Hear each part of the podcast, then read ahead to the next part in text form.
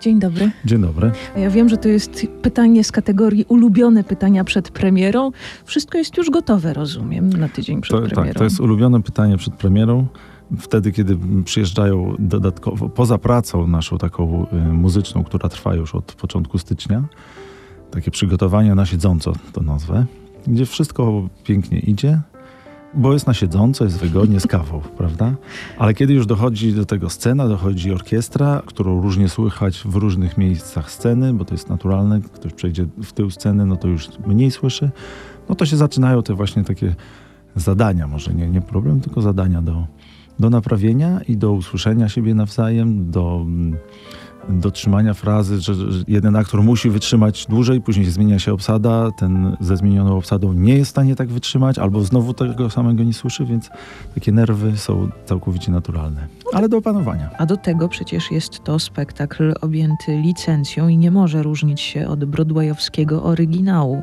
No, to znaczy ja już jestem przyzwyczajony do tych licencyjnych muzykali sztuk teatralnych, gdzie to jest całkowicie naturalne, że kompozytor i twórca zabezpiecza się, żeby to nie odbiegało od jego wyobrażeń, od normy, którą zna właściwie cały świat. Akurat w tym przypadku, w tym tytule Piękna i Bestia, to jest to bajka bardzo stara, którą dzieci śpiewają, wiem, bo też mam moje dzieci też śpiewają. Ja to też znam i trzeba to w taki sam sposób y, pokazać widzowi, żeby usłyszał to samo, żeby usłyszał podobne barwy głosu. To znaczy może nie barwy, tylko podobną intonację, podobną tempa. Więc to trzeba powtórzyć. Kafe Klasik. Kulturalne smaki i smaczki. Wracamy do rozmowy z Tomaszem Szymusiem, kierownikiem muzycznym najnowszej premiery Teatru Muzycznego w Poznaniu. Równo za tydzień odbędzie się tam premiera musicalu Piękna i Bestia. Piosenki, muzyka, teksty nie mogą odbiegać od licencji twórców, jak już mówiliśmy. Takie wymogi licencyjne utrudniają czy dopingują? To jest tak fajne, że tutaj trudno coś zrobić nowego, no bo to się pamięta, to się zna.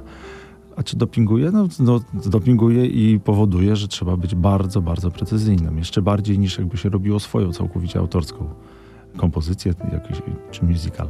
Bo wtedy jest możliwość, jest przestrzeń, jest inspiracja wzajemna przy swoich produkcjach. Mhm. Natomiast tutaj trzeba naprawdę się dostosować. Jak y, znamy Piękną i Bestię tam na przykład z innych desek, z innych teatrów, gdzie scena może być większa, może być mniejsza. Tutaj trzeba się dostosować do warunków, które są właściwie w Poznaniu. Mhm. I tutaj to, to, jest takie zadanie, to nawet nie jest jakiś, jakiś kłopot, tylko zadanie do zrobienia, żeby się zmieścić w czasie, żeby ta dziewczyna przebiegła, może ta scena jest zbyt krótka, więc ona musi trochę udawać, że szybko biegnie, ale, ale rzeczywiście jakoś wolniej biec. No takie są zmagania. Nie? A często zdarza się, że podczas prób wychodzi ktoś śpiewać swoją partię i zaczyna od stwierdzenia ojej, jak ja kocham te piosenki, jak ja kocham ten musical. A akurat w tym przypadku tak.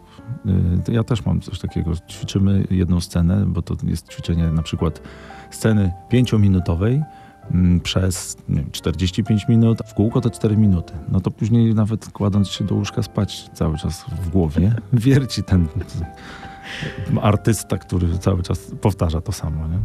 To się nie da od tego uciec. No to... Ale to jest piękne. Z drugiej strony to ja to już od 20 lat robię, to samo właściwie. I co chwila jakaś nowa melodia się przykleja. A teraz gdyby pana zbudzić o drugiej nad ranem, to co by pan zanucił? No, teraz to ja właśnie tworzę i, i nucę coś, czego jeszcze nie, yy, czego jeszcze nie ma. I w nocy też, to, to mi się zdarza, także przed snem mam tekst, który muszę ubrać w muzykę bo powstaje teraz Kopernik, musical polski w operze krakowskiej.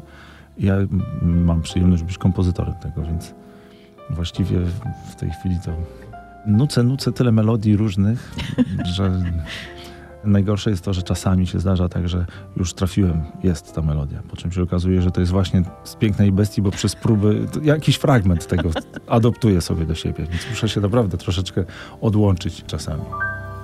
Mamy technologię masek zupełnie inną niż, nie wiem, 5 lat temu, 10 lat temu. Co, chyba co 5 lat się zmienia. Te drukarki 3D powodują to, że w tej chwili można tak plastycznie zrobić maskę, no bo to są maski. Przyjechały te maski, trzeba w nie wskoczyć i trzeba się nauczyć w nich śpiewać. To dotyczy aktorów. Co No, nie jest takie proste, bo tam się zupełnie inaczej głos przecież rozchodzi. Inaczej się rozchodzi, zupełnie inaczej, bo to jest gra na mikroporty, czyli normalnie otwarty mikroport blisko zbiera, a Mhm. tutaj jest się zamkniętym w masce. Niektórzy trzymają te maski w rękach. No, na razie jest jakieś takie do, dotykanie tego. To oczywiście, że to działa, tylko trzeba się przyzwyczaić. Poza tym ja sobie wyobrażam, bo jestem w dobrej sytuacji, bo siedzę, dyryguję orkiestrą, otwarta przestrzeń, a taki aktor musi, nie wiem, dwie godziny siedzieć w masce z mikrofonem. Powietrze to na pewno skądś mam, tam pompuje się mu, ale No i jeszcze przy śpiewaniu, kiedy tego powietrza tak dwa razy więcej potrzeba. Tak, bo to są, są kompletnie inne warunki niż całkowicie naturalnie. Wychodzi aktor na scenę, czy wokalista na scenę i śpiewa pełnym głosem. Mhm. tutaj ma ograniczenia, które dopiero poznaje. Nigdy w życiu wcześniej nie zakładał takich masek. Może jakieś inne, ale nie te. Więc to jest takie spotkanie z nową materią. Każdy chce tutaj wyciągnąć techniczne swoje możliwości, sprawdzić, jak on będzie w tym widział. To też nawet mam takie rozmowy zakulisowe, że ktoś chce na przykład coś tam przeciągnąć, dłużej chce pośpiewać, weź mi tutaj, daj ten, ten fragment i to tak czuję, że to jest właśnie tylko, tylko on to chce. Nie? Mhm. Bo to właśnie niewiele nie, można, nie dyskutujemy o, z obsadami, no ale są takie niuanse. To jest już rozmowa, ja to w teatrze mówię, że to już na innym poziomie, na poziomie takim nawet nie wykonawczym, tylko takim emocjonalnym. Lekkie mm, naciągnięcia do aktora czy tam do, do wokalisty. Czuć tę ekscytację, ale też panuje tutaj dosyć duży spokój, y, bo jest duże zaufanie do realizatorów. Y, Reżyser Jerzy Połoński jest naprawdę takim, bardzo dobrze zna materiał, spokojnie podchodzi do, do tematu, nie, nie tworzy jakichś konfliktów, afer, tylko czysto pracuje. Tak samo choreograf. Też wszystko to zrobił już, nie wiem, ze trzy miesiące temu. Więc w tej chwili ma czas, Karol Drost, choreograf, ma czas na czyszczenie tego. Mhm. To, co już jest dawno zrobione, na przypominanie i czyszczenie. Więc to jest y, spokojna, na szczęście spokojna praca. Cafe Classic z RMF Classic. I przechodzimy z opowieści o musicalu, który musi trzymać się licencji, płynnie do musicali, które powstają od początku. Mówi Tomasz Szymuś. Ja mam takie wrażenie po 20 latach pracy w teatrach, to nie tylko dotyczy poznańskiego teatru, tylko takiego musicalowego podejścia teatrów w Polsce. Bezpiecznie jest kupić licencję i ją wystawić. No bo coś, co się sprzedało gdzieś tam za granicą, można zaadoptować do naszego kraju i sprzedać i to realizować. I wtedy y, publiczność przychodzi.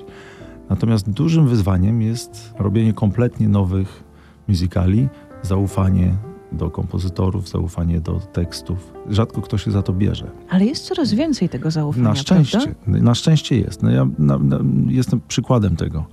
Jest taki musical, który jest mało znany, jest wystawiany w operze krakowskiej i w filharmonii nawet, nawet nie w teatrze, tylko w filharmonii olsztyńskiej, Pora Jeziora.